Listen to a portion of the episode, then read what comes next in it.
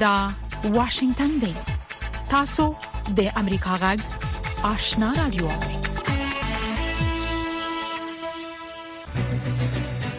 قدرمن اوریدونکو السلام علیکم زه شافیا سردار یم دا د امریکا جغ آشنا را جوخ کروانه پیس و لومړی به خبرونه واوري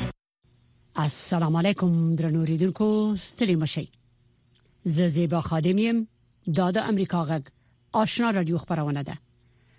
د نړۍ د دې ساعت خبرونو ته ساسې پام را اړوم د امریکا د بهرنیو چارو وزیر انټونی بلینکن د قطر او پاکستان د بهرنیو چارو د وزیرانو سره په جلا ډول په ټلیفون کې د افغانستان د وضعیت په حق لا خبرې کړې دي د بارنیو چارو وزیر انټونی بلینکن د جولای په 15مه په ټوئیټر کې لیکلي دي چې د خارجه وزیر بلاول بوټو زرداری سره د پاکستان د اقتصادي وضعیت د خکېدو په حق له د امریکا د ملاتړ په حق له په ټلیفون کې خبرې کړې دي او همداشان د افغانستان په شمول د واشنگټن او اسلام آباد د ګډو اندېښنو په حق له هم غږیدل دي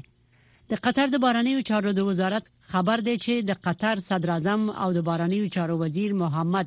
بن عبدالرحمن اسانی د امریکا د باندنیو چارو وزیر انټونی بلینکن سره د دوړخیزو اړیکو ترڅنګ د افغانستان په وضعیت د افغانانو سره په مرستو د اوکرين په جګړې کې په پرمختګونو او د ایران د اټومي موافقې په اړه کې په تازه تحولاتو غږیدل دي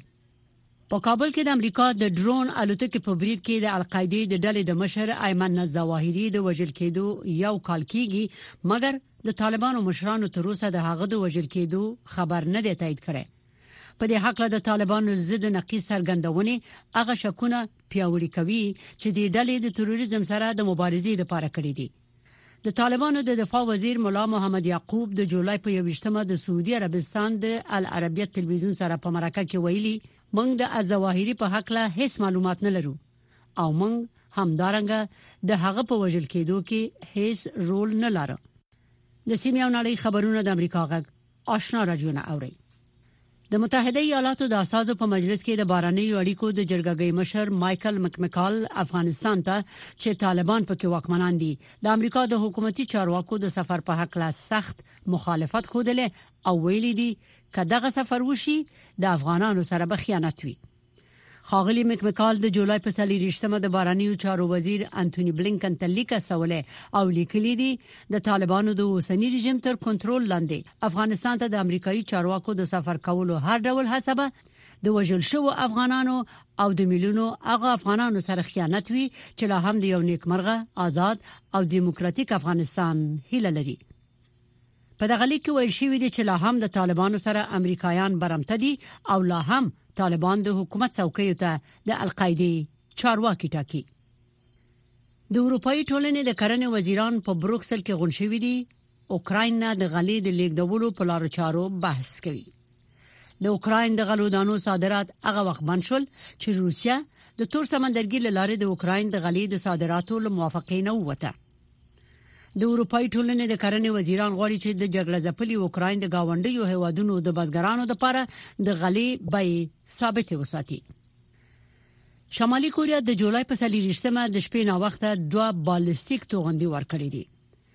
دغه توغندي په داسې حال کې ورشوي دي چې څو ورځې وروسته د کوریا د جګړې د پای ته رسیدو کلیزه منځل کیږي په جنوبي کوریا او جاپان کې مطبوعاتو د جنوبي کوریا د دفاع د وزارت په حواله لیکلي دي چې دا توغندي تقریبا 300 کیلومتره پورته هوا ته ولاړل مګر وروسته په بحر کې ولوېدل شمالي کوریا دا توغندي په داسې حال کې ورکړي دي چې ټاکل شوې ده د پنځشنبه په ورځ د کوریا د جګړې د پای ته رسیدو او یایمه کلیزه ونمانځل شي دا واشنگټن دی د نړۍ خبرونه اوري د ملګرو ملتونو د اتومي انرژي اداره وایي چې کارپوهانو یې د اوکراین د جپروژیا د اتومي بټۍ ساحې ته سیرمه پرسونل ضد ماينونه موندلې دي د ملګرو ملتونو د اتومي انرژي ادارې په یو بیان کې چې نن خبر شوی ویلي د کارپوهانو د غډلې د اتومي بټۍ د منځنۍ او باندنۍ ساحې د احاطې ترمنځ یو شمیر ماينونه موندلې دي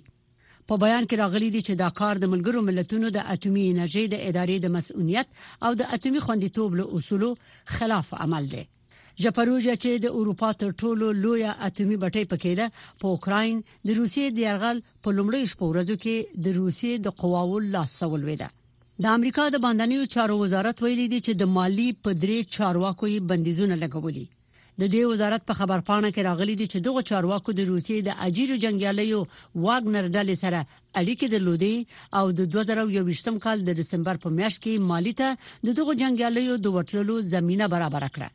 د مالی د دفاع په وزیر د هوایي قواو په یو قومندان او د هغه په مرستيال بندیزونه لګیدلې دي او د هسپانیې سمندري قواو نن د جولای په 25مه ویلي دي چې د ګران کناریا ټاپوګانو ته نږدې د پناه غوښتونکو یو کشتۍ چې څلور اتیا تنه پکې وو ژغورلې ده دغه قوې ویلي دي چې په دې کشتۍ کې اکثره کسان د افریقایي هوادونو اتباع وو او د ژغورنې په وخت کې یو تن مړ شوی هم دی زیبا خادم امریکا غږ واشنگتن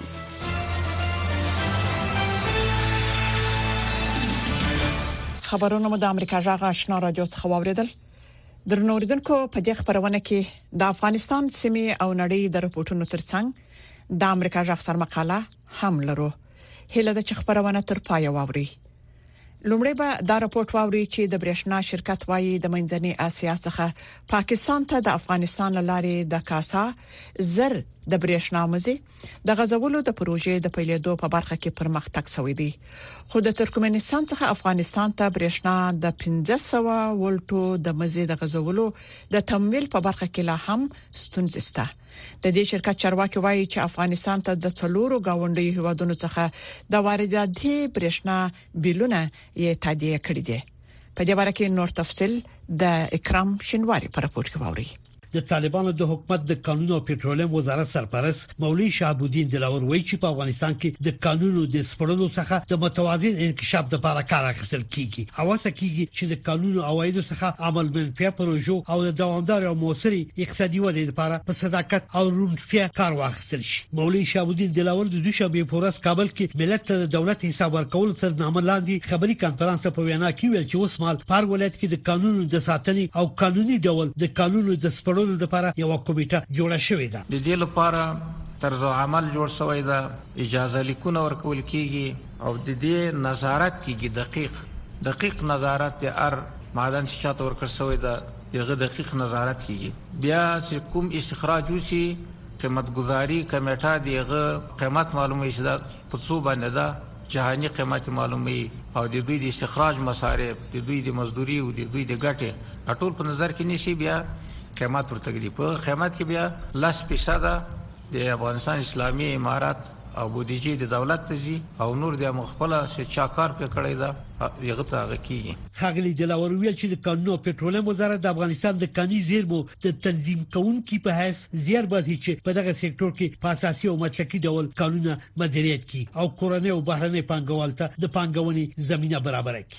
داسې ویل کیږي چې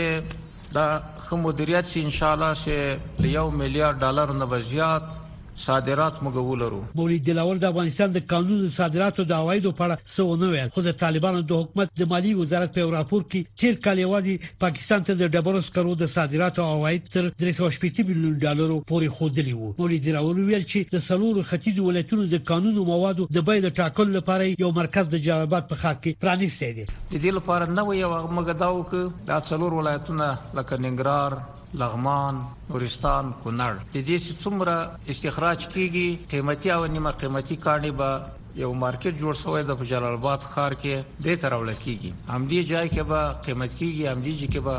تجاران راځي او د دې خرید او فروخت په همدې ځای کې کېږي بیا به سرټیفیکټ ورکول کېږي او سند ورکول کېږي چې هر چیرته انتقالي مخه یې څوک بیا نه نیسي، که یې ترکیې ته وړي، که یې اماراتو ته وړي. د کانونو او پټرولیم وزارت ویاند همایون افغان دغه خبري کنفرانس ته وویل چې اوسمهال په بېلابېلو ولایتونو کې یو سل اته کوچني کانونه د ازادې داوطلبۍ له لارې کورنیو پانګوالو ته په قرارداد ورکړل شوي دي. هغه وویل چې د دې وزارت د سروې ټیمونه په پنځه ویشت ولایتونو کې د بېلابېلو منرالونو څلور سوه درې نوي کاني نښې او کانونه سروې کړي چې دا ساحې به داوطلبۍ ته وړاندې شي. همايون افغان د لاسلیک شوو پروژو څخه د کندهار شوراندام د سیمې د سیمنټو پروژې د هرات د ډبرو سکرو پروژې د کونړ ننګرهار د مرمرو پروژې او د هرات د مسو شیدا پروژو یادونه وکړه او ویل چې د تخار او بدخشان د سرو زرو د وینځلو کانون سروي هم شوي او د داوطلبۍ له لارې به پنګوالو ته په اجاره ورکړي شي د اقتصادي چارو یو افغان کارپو روح الله احمدزي په افغانستان کې په اوسنی وضعیت کې د کانونو د سپړلو او د کاني موادو صادرات د قانوني پلوه تر پښتنې راوستل او وایي چې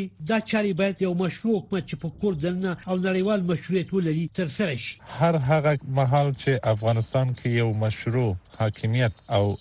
اقتدار رامنځته کیږي د نړۍ بیلابیل هیوادونه په تیره بیا دا شان هیوادونه چې په کانونو کې غواړي پانګونه وکړي او هغه اوږدمهاله ثبات ته دوی اړتیا لري دوی تر هغه مهاله پورې به د پانګونې په برخه کې عملي ګامونه نه اوچتوي، لېوالتیا ښکاروي، غواړي چې پانګونه وکړي، اما عملي ګامونو لپاره زه فکر کوم دوی په اوږدمهالو پروژو کې زړه نه ښه کوي. افغانستان د نړۍ په هغو هېوادو کې شامل دی چې د ځمکې لاندې پراخه مېنرالي زېرمې لري، خو په تېرو شاوخوا پنځوس کلونو کې په دغه هېواد کې د جګړو او بې ثباتۍ له امله د دغو زېرمو څخه هېڅ ګټه نه ده پورته شوې انتظار پای ته ورسید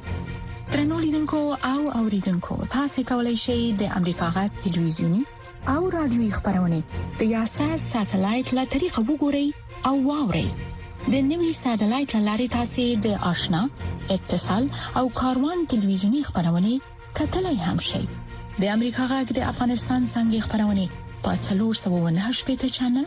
او د آشنا رادیوي خبرونه په 390 چینل کې اوریدلای شئ لملتيامو د تل پشان مننه د امریکا جغ آشنا رادیو څخه راپورټونه ته دوام ورکوي د امریکا د بهرنیو چارو وزیر انټونی بلینکن د قطر او پاکستان د بهرنیو چارو د وزیرانو سره په جلا ټلیفوني اړیکو کې د افغانستان پر وضعیت خبرې کړې دي د بل خوا د امریکا د استازو جرګې د بهرنیو اړیکو د کمیټې مشر مايکل مکال افغانستان ته د خپل هیواد د چارواکو له سفرونو سره مخالفت څرګند کړی دی نور تفصيل په رپورت کې واوري خپل کاروبار د جوړېدو په موخه د کلونو کار او خواري او پراخو پانګونو ورسته اوس د سنگارتونونو خاوندان مجبور دي چې خپل کاروبار بند کړي ځکه طالبانو سه شنبه ورځ د دغو سالونونو د تړل کېدو ورستای مهلت ټاکلی د خپل ژوند یو تر ټولو خرابه او تیاره ورځ تجربه کوم مطلقه ناهیلی یم موږ په ډیرو هیلو سره کار پیل کړ خو له بده مرغه هرڅه اوس ختم شول د وړاندوینو لمخې د طالبانو په دې اقدام سره به څه باندې شپېته زره میرمنې خپل کار له لاسه ورکړي او دوولس زره سینګارتونونه به وتړل شي. زه له طالبانو غواړم چې میرمنې ونه ځوروي نورې په خاص ډول هغه کسان چې په خپل پښو د درېدو په هدف یې ډیره زیاته خواري کړې لطفاً میرمنو ته د کار اجازه ورکړئ چې په خپل پښو ودرېږي لطفاً میرمنو ته د کار اجازه ورکړئ میرمنې د ټولنې نیمایي برخه ده لته تخته پرته چې اوسې لارم نشته بله لاره نه لرو څو له هیواد څخه لاړ شو او ښه او ازاد ژوند وکړو.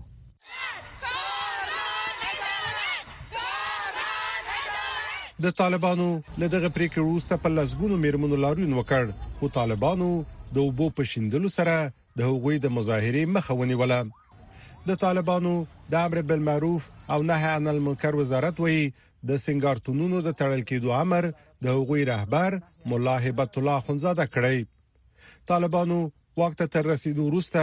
نه یوازې له شپږم ټولګي پورته د انجونو ښوونځي د میرمن او انجونو لپاره پوهنتونونه تړلي بلکې په مرستندوی مؤسساتو کې د میرمنو د کار مخه هم نیولې ده د طالبانو حکومت وایي چې هغوی د افغاني کلچر او د اسلامي لارښوونو پرانا کې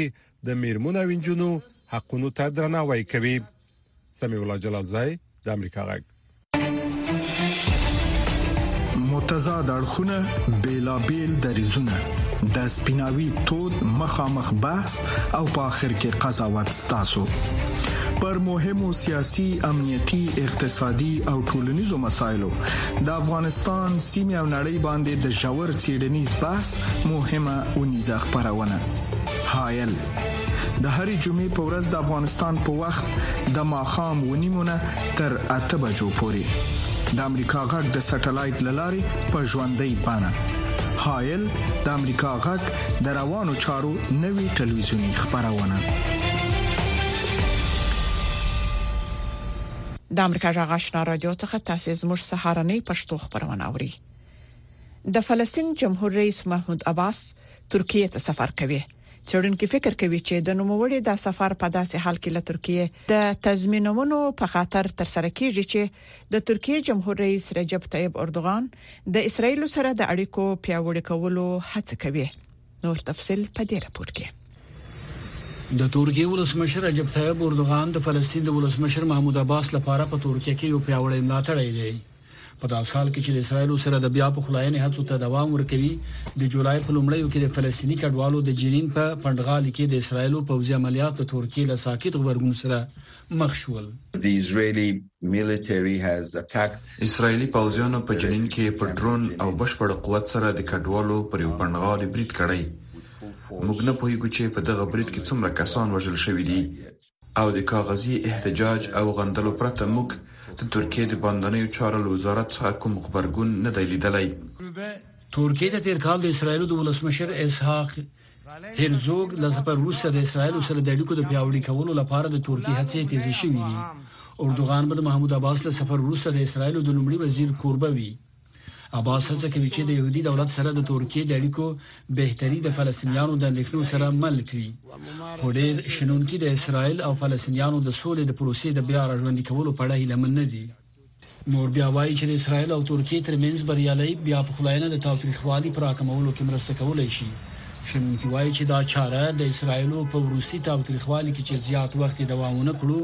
ولیدل شوه. د اسراییلو او فلسطینیانو ترمنځ هر لوی شی د اسراییلو او ترکیې پر اړیکو منفي اغیزه کولای شي. دې عملیاتو یوازې تر دوه ورځو دوام وکړ. دا کمه ستونزه ده. دا یو اوږد او خونړی عملیات دی. دا ښايي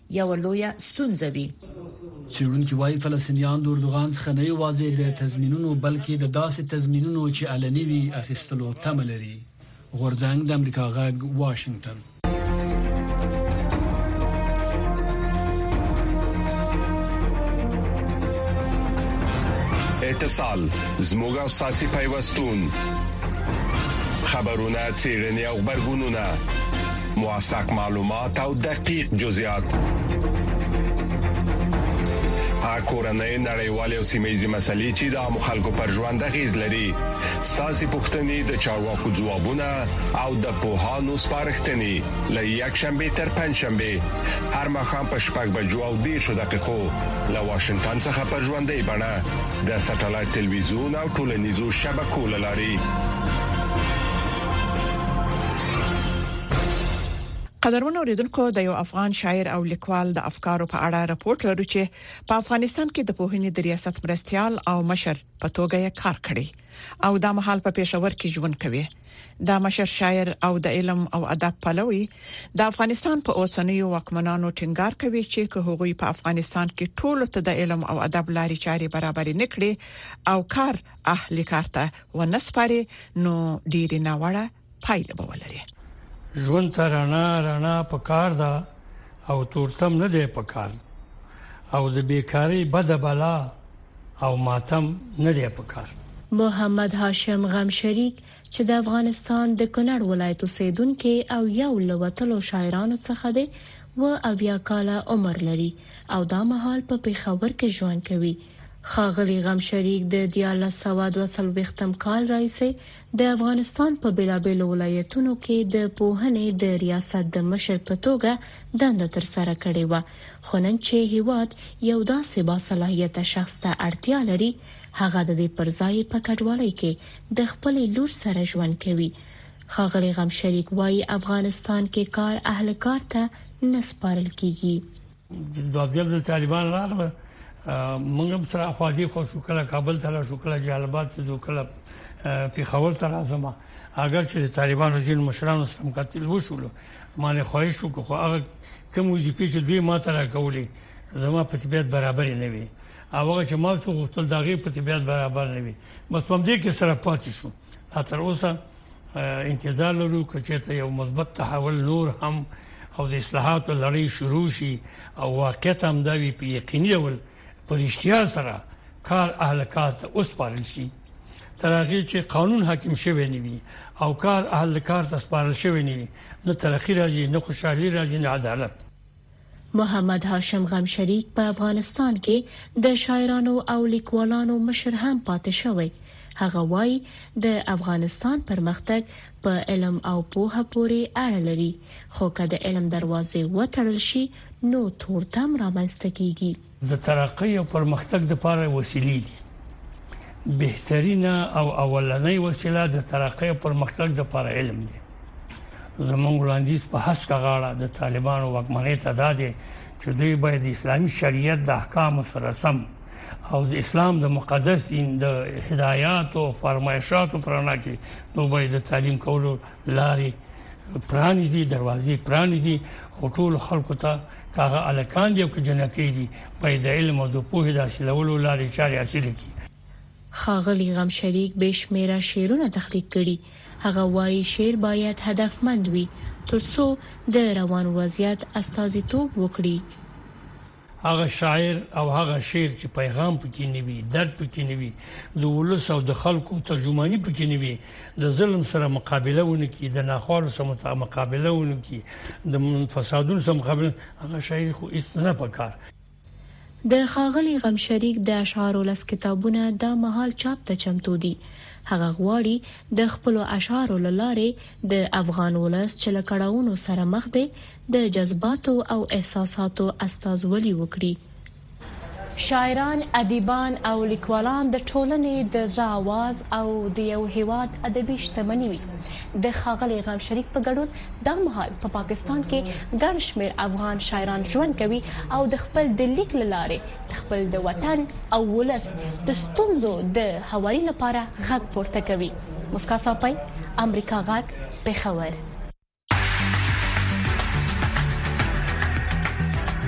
طالبانو د افغانستان له دننه د امریکا غاټ راډیو خبرونه درولې دي خو امریکا غاټ په پوره شمنتیا خپل افغان اوریدونکو ته په پښتو او دری ژبه د کره باوري او هررخیزو خبرونو په خبرولو د افغانستان له بهره په 902 کیلو هرتز منځنوي سپو خپل خبرونه ته دوام ورکړي د دې ترڅنګ تاسو کولای شئ چې زموږ پښتو خبرونه په لاندو چپو هم واورئ پښتو سهارنې خبری خبرونه پر 2290.0 سپو اوریدل شي ما خبرنې پښتو خبرونه په 2140.0 2015.0 9815.0 14590.0 میګا هرتز لاندو چپو اوریدل شي سپینه خبره یا رکو را خبرونه په لاندو چپو 2015.0 میگا هرتز د نن او وضعیت یا روایت امروز خبرونه پر لاندو چپو 2041.0 9915.0 2015.0 او ستاسو غږ یا صداي شما خبرونه پر لاندو چپو 2015.0 نهه زره درې سوه پنځه پنځوس مګا هرتز اوریدلای شئ. قدرمن اوریدونکو په دې وروستیو کې د تحریک طالبان پاکستان پر سر پښکارا د طالبانو او پاکستان ترمنځ اړیکې خړې پړې شوې دي د واشنگټن په ویلسن مرکز کې د سیمې د چارو کارپو مايكل کوګلمن زموږ همکار احمد الله ارچوال ته ویلي چې د طالبانو او پاکستان ترمنځ تحریک طالبان واقعا یوه لانجمنه موضوع ده. ګوګل من وايي امریکا ته تحریک طالبان پاکستان خطر نه دی. دا چې ولې د طالبانو له دوه کلنۍ واکمنۍ وروسته د دوی او پاکستان ترمنځ ناندري زیاتې شوې وايي زما له نظره پاکستان ډیر په غوسه دی او فکر کوم دا چې پاکستان طالبانو ته په خپل هیواد کې پټنځایونه ورکړي وو او د دوی سره یې مرسته کوله، پاکستاني نظامي چارواکو فکر کاوه چې طالبان به د پاکستان سره د تحریک طالبان په اړه د اندېښنو په حل کې مرسته کولو ته زړه ښه کړي. له دې امله داسې ښکاري چې د پاکستان خپګان له دې امله دی چې طالبان پرته له دې چې د پاکستان او تحریک طالبان ترمنځ د خبرو کوربتوب وکړي، په دې اړه زیات څه کولو ته چمتو نه دي. دغه خبرې هم بریالۍ کېدونکې نه وې. زما په فکر له بل هر څه ورهاخوا، دا د پاکستان د غوسې کچه ښيي. تحریک طالبان پاکستان له تېرو څو کلونو راپدېخوا پاکستاني نظامیان، پولیس، سرحدي ځواکونه، سربازان او نور په نښه کوي. له دې امله د پاکستان پوځ او ملکي مشرتابه چې د پوځ ملتیا کوي، دغه بریدونه په ځانګړي ډول پر پولیسو بریدونه تجربه کوي. له دې امله پر پاکستاني پوځیانو، امنیتي ادارو، په دې اړه چې د تحریک طالبان پاکستان د ګواښ د کمولو لپاره له طالبانو سره یوه لار ومومي، زیات فشار موجود دی. ډېر خلک فکر کوي چې د پاکستان او طالبانو یو بل ته ګواښونه واقعي نه دي. دوی فکر کوي چې طالبان او پاکستان د تحریک طالبان پاکستان د ځپلو لپاره یو له بل سره د پردې تر شا همکاري کوي. ایا واقعاً همداسې ده؟ نه زه فکر کوم د طالبانو او پاکستان ترمنځ واقعي خپګان موجود دی، زه فکر کوم طالبان له خپلو پخوانیو ملاتړو څخه د ازادۍ اخیستلو لپاره له احتیاط څخه ډکې هڅې کوي. طالبان د خپل کورني مشروعیت ترلاسه کولو لپاره هڅه کوي، له دې امله طالبان د تحریک طالبان پاکستان په اړه ډیر څه نه کوي او پاکستان په دې اړه چې له طالبانو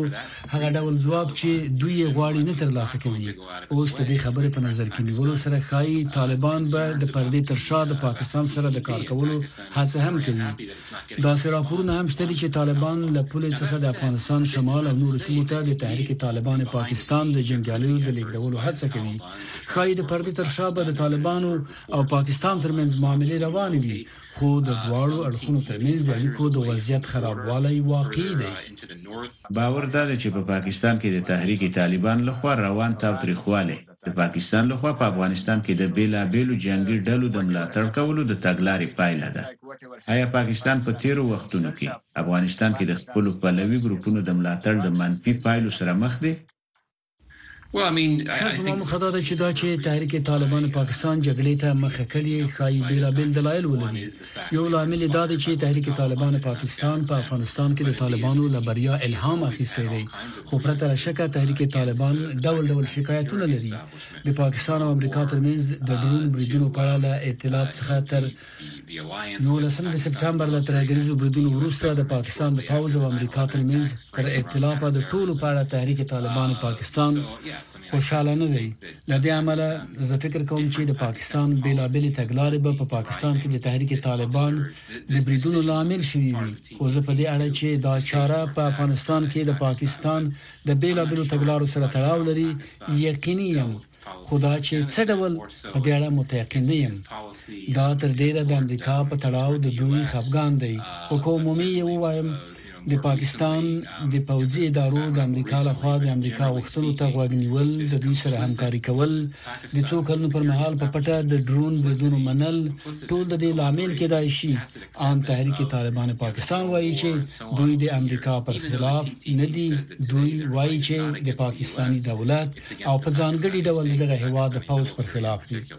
انګېرنې دا دي چې امریکا له پاکستان څخه هغه ډول مالي او نظامي ملاتړ چې د ضرب عضب عملیاتو پر مهال او پخوا یې کولو، اوس نه کوي. ایا رښتیا هم همداسې ده؟ د دې لامل څه دی؟ زما موخه دا ده چې امریکا د ولسمشر ترمپ د واکمنۍ په لومړیو کې پاکستان سره خپلې نظامي مرستې ودرولې. د مرستو له اړخه د دواړو ترمنځ زیاتې اړیکې نشته. تاسې پوهیږئ امریکا وروسته له هغه چې له افغانستان څخه یې خپلې قواوې وایستلې، د پاکستان سره د مرستو په اړه خپل دریځ واقعاً تغیر کړی. بله خبره دا ده چې تحریک طالبان پاکستان یقیناً امریکا ته کوم ګواښ نه پېښوي، زما له نظره د امریکا لپاره داعش خراسان په سیمه کې تر ټولو ستر امنیتي خطر دی که پاکستان داسې عملیات چې په غټه کې یوازې تحریک طالبان باندې متمرکز وي پیل کړي د ملاتړ ورکولو له اړخه به امریکا په دغه چاره کې ګډون ونه کړي د دې لامل یوازې دا نه دی چې امریکا د پاکستان سره امنیتي مرستې ځنډولې بلکې تحریک طالبان پاکستان امریکا ته هغه ډول امنیتي ګواښ چې څو کلونه پخوا یې پېښولو اوس نه پېښوي نن او وضعیت د نړۍ سیمه او د افغانستان پر روانو چارو او د ننني وضعیت په حق لا خبرونه راپورټونه مرکه او تحلیلونه هر شپه نه بجې د امریکا غږ آشنا رادیو نه اوري